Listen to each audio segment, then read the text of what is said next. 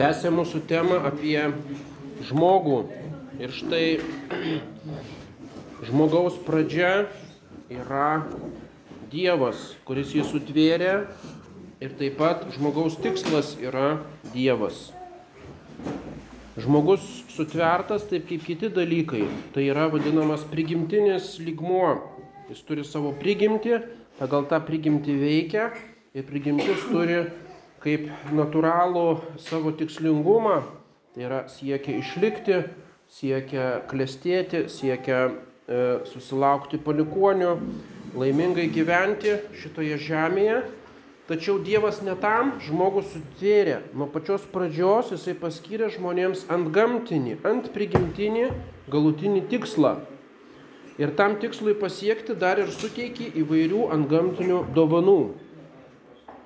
Taigi žmogus sutvertas pagal Dievo paveikslą ir panašumą, tačiau šitas paveikslas ir panašumas tapo dar ryškesnis arba aiškesnis dėl šito ant prigimtinio tikslo ir ant prigimtinių dovanų.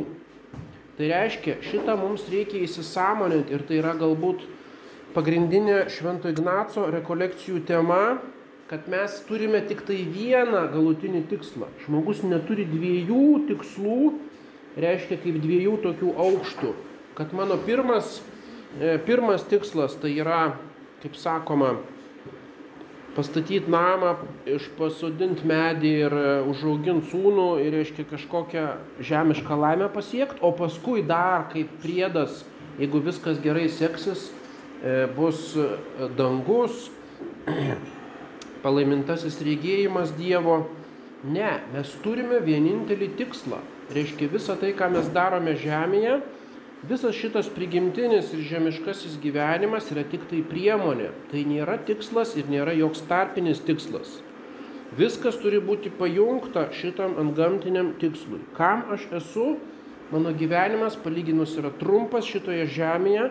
Mano vienintelis galutinis tikslas yra dangus.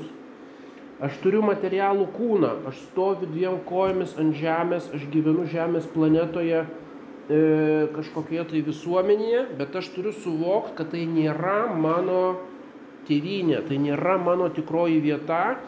Aš esu skirtas vietai, kuri yra už šios žemės, kuri nėra šitoje žemės planetoje, kurie, kuri yra, kaip dabar sakoma, kitame matmenyje, tai yra dangus. Dvasinė vieta, antgamtinė vieta, draugystė su Dievu. Tam aš esu skirtas. Ir tai yra toksai paradoksas arba konfliktas nuo pat pradžių žmoguje. Ir tai gali būti kaip ir priekaištas Dieve, kam mane tokį sudėtingą sutvėrė. Jeigu būčiau angelas, man būtų viskas aišku.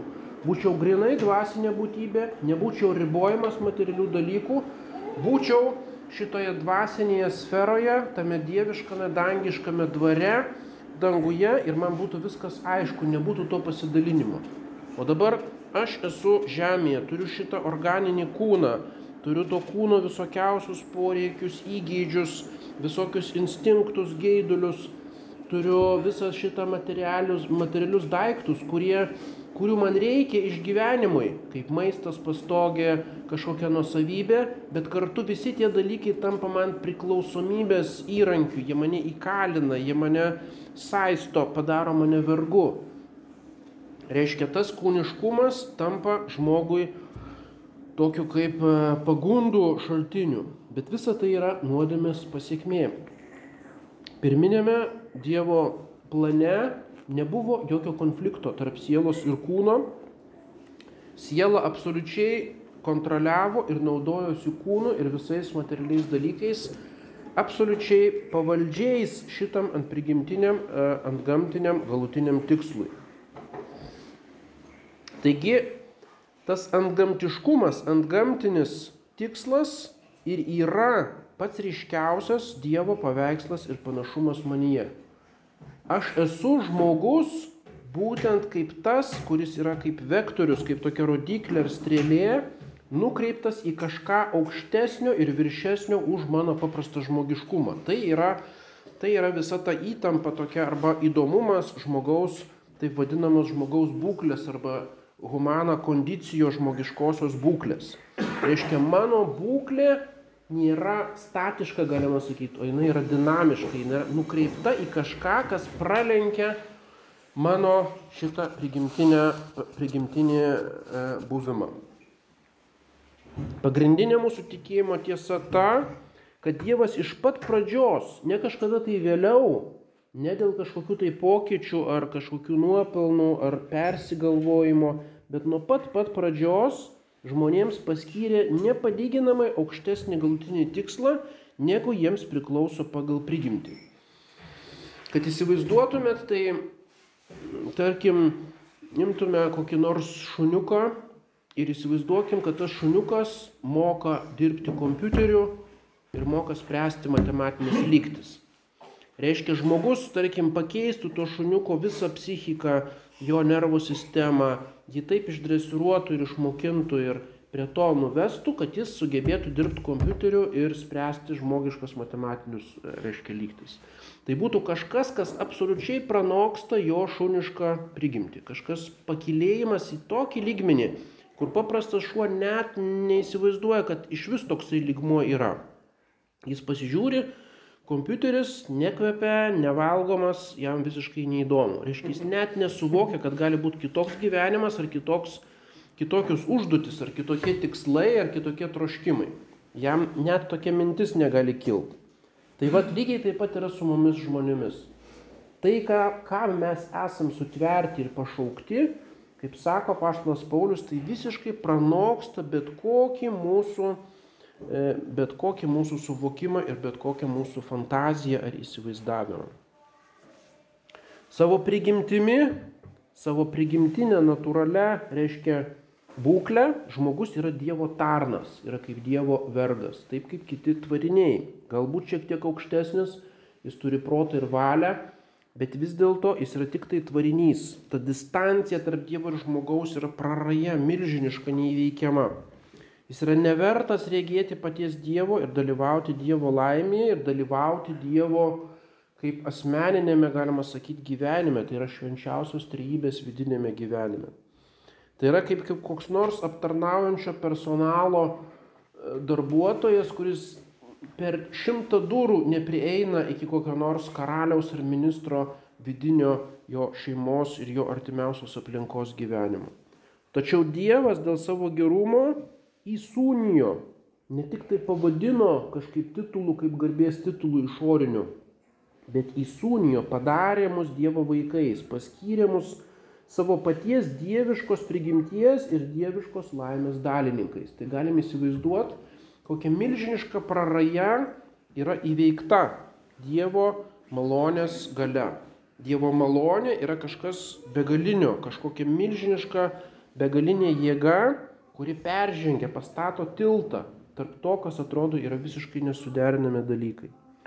Paštalas Jonas rašo, žiūrėkite, kokią meilę apdovanojo mūsų tėvas. Mes vadinamės Dievo vaikai ir esame. Ne tik tai vadinamės, bet ir esame. Mes dabar esame Dievo vaikai, bet dar nepasirodė, kas būsime. Mes žinome, kad kai pasirodys, būsime panašus į jį, nes matysime jį tokį, koks jis yra.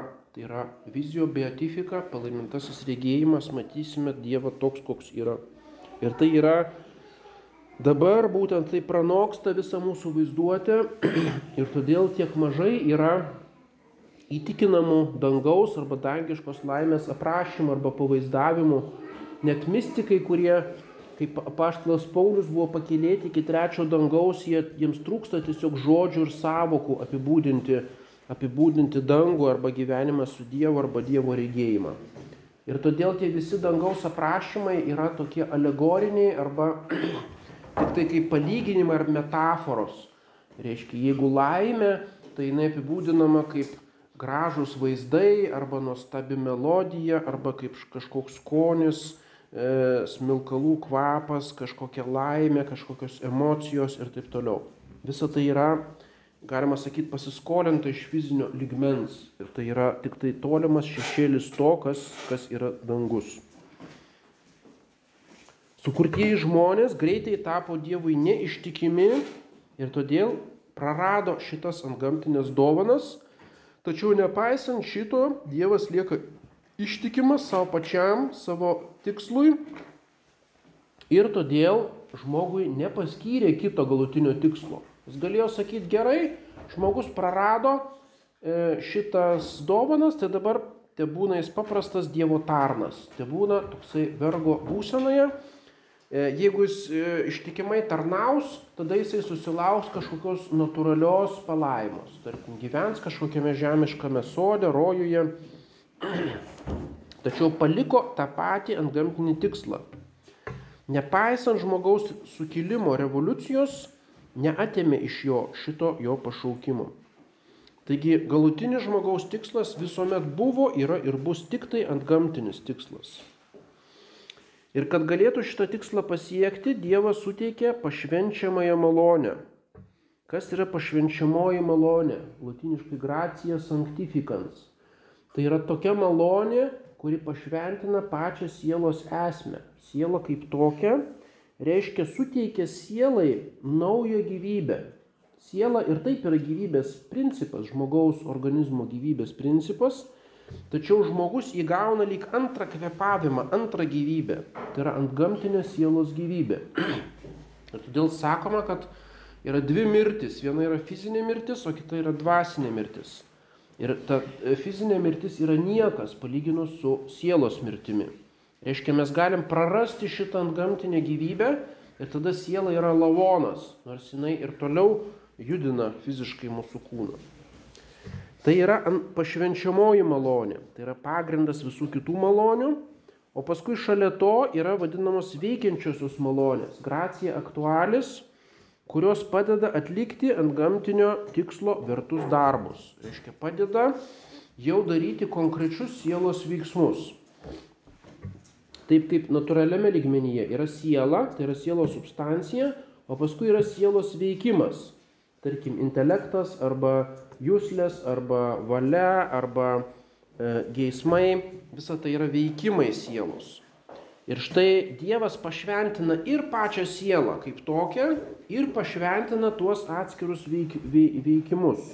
Pašventina mūsų protą, pašventina valią, pašventina kiekvieną mūsų sielos aktą arba mūsų žingsnį.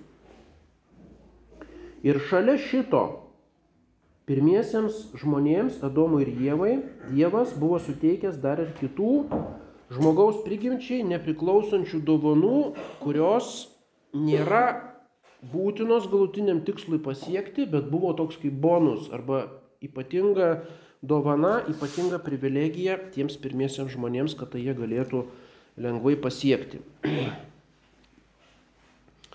Tai buvo dovanos išimtinai skirtos Adomui ir Jėvai.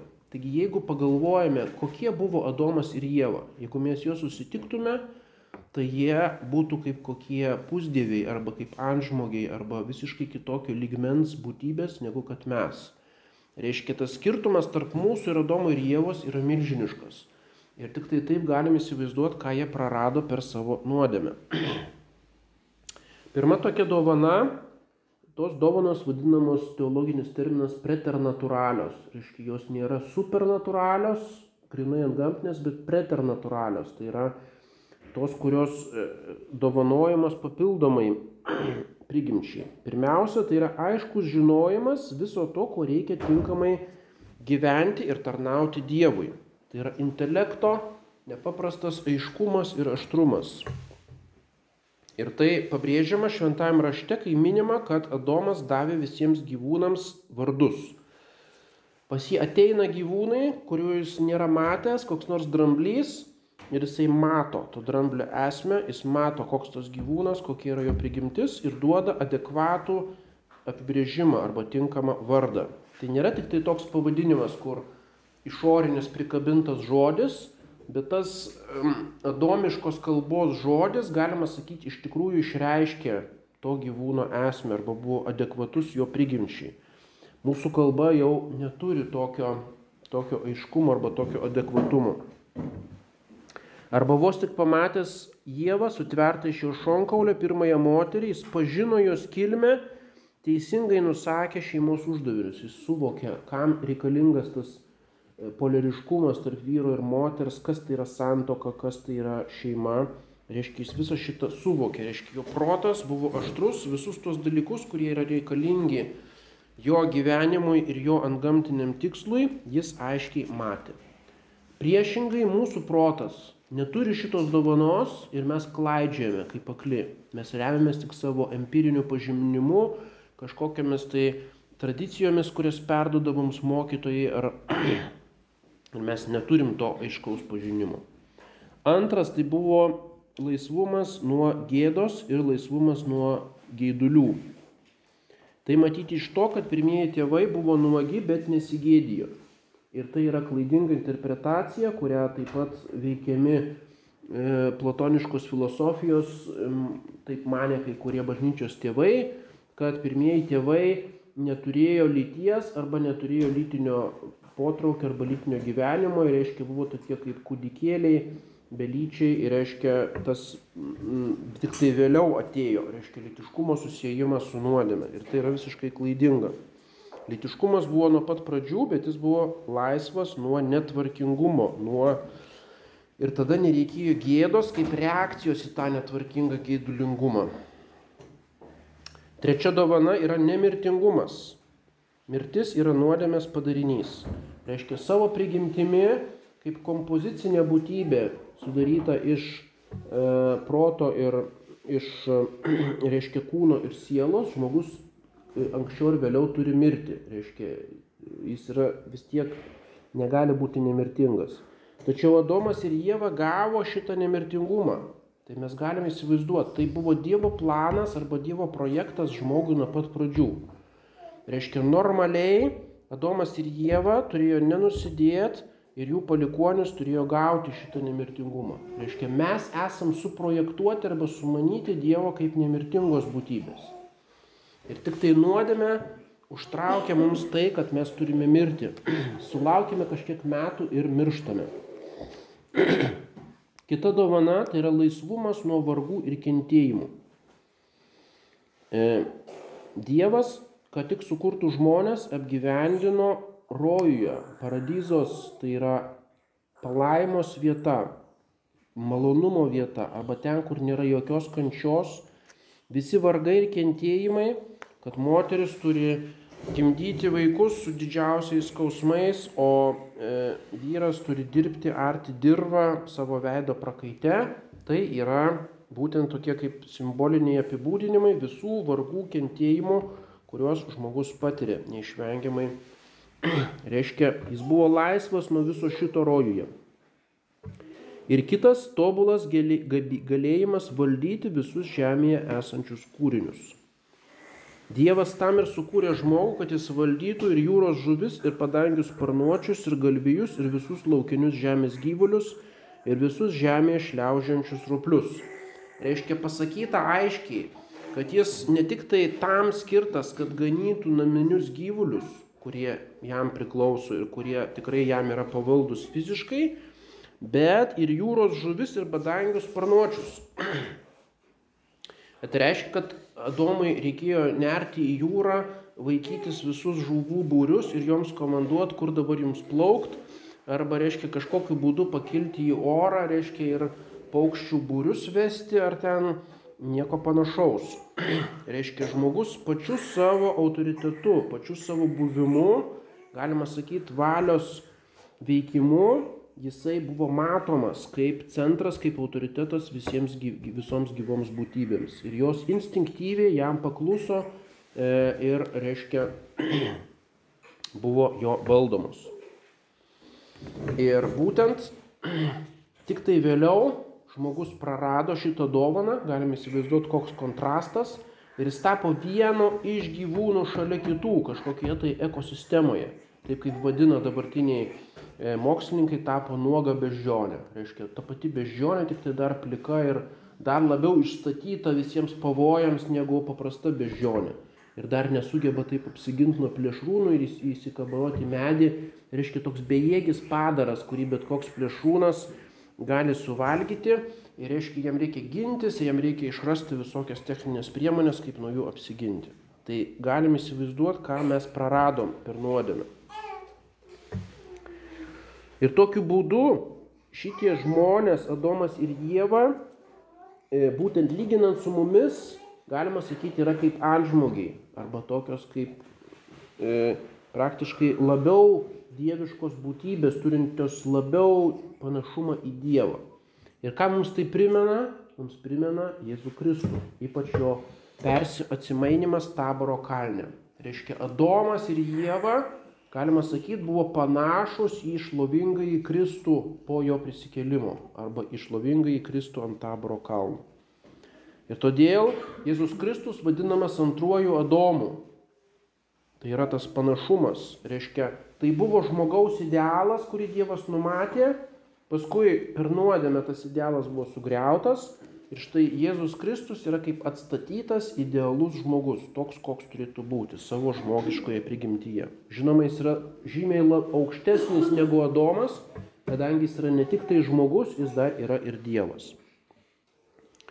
Ir šita būklė Adomo ir Jėvos, ta ypatinga būklė su šitomis preternatūralinėmis dovanomis, vadinama pirminio teisumo arba nekaltybės būklė. Reiškia, mokymas apie e, prigimtį ir malonę išskiria įvairias būklės. Viena būklė tai yra grinosios prigimties būklė. Taip tai žmogus sukonstruotas biologiškai. Antroji būklė yra pirminio teisumo arba nekaltumo būklė. Tai yra ta, kurioje buvo Adomas ir Jėva iki puolimo. Ir tai yra idealas. Šita būklė yra kaip ideali būklė. Trečioji būklė yra puolimo būklė. Reiškia, kai žmogus sužeistas nuodėmės ir praradęs šitas dovanas. Ketvirtoji yra malonės būklė, kada jisai atgauna tai, kas yra esminga, ko reikia išganimui. Tai yra pašvenčiamoje malonė bet jis neatgauna šitų dovanų. Tai reiškia, toks žmogus jau yra Dievo vaikas, jis eis į dangų ir jeigu išsilaikys iki mirties toje būklėje, bet jis neturi visų šitų privilegijų. Jis toliau kenčia, jis toliau numir, turi mirti, jis dirba sunku darbą ir taip toliau. Ir paskutinė būklė tai yra šlovingųjų arba e, pašlovintųjų būklė, šventųjų būklė danguje kada žmogus gauna e, palaimintą įregėjimą ir įsitvirtina malonėje, jau nebegali nupulti, nebegali padaryti nuodėmės ir e, toje palaimoje danguje būtent per visą amžinybę gyvena su Dievu, turėdamas sielą ir kūną visą pilną žmogišką prigimtį. Taigi matome, kad žmogus yra tokia daugiaplanė būtybė arba daugiamatė būtybė, Ir to, tų būklių skirtumai yra radikalūs. Tai yra milžiniškas skirtumas, ar tu esi grinos prigimties būklėje, ar tu esi pirminio teisumo būklėje, ar tu esi puolimo būklėje, ar tu esi malonės būklėje, ar tu esi dangiško šlovės būklėje. Tai yra milžiniški skirtumai. Ir tuo būdu žmogus, kaip tokią analogiją, galim palyginti su kai kurių gyvūnų metamorfozėmis. Reiškia, ypač vabžiai kaip žinom iš biologijos, yra metamorfozės. Ta, tas pats individas metamorfuojasi į būsenas, kurios absoliučiai neprimena. Reiškia kažkokia e, kiaušinėlis mažas, paskui iš jo pasidaro milžiniškas vikšras, kuris ėda kaip, reiškia, milžiniškus kiekius maisto, paskui tampa kažkokia lėliukė, kabančia nejudre, kaip, kaip mumija, o paskui iš jos gražus drugelis, kuriam nieko nereikia ėsti ir jisai tik tai skraido savo ir, ir viskas. Tai yra tas pats gyvūnas, pasižiūrėtum atrodo, kad čia visiškai skirtingų rūšių būtybės. tai panašiai žmogiškoji kondicija irgi pereina tokias metamorfozes arba tokias visiškai skirtingas būklės. Ir taip, tik tai matydami tų būklių visumą ir jų skirtumą galime įsivaizduoti, kas yra žmogus. Tęsim kitą kartą.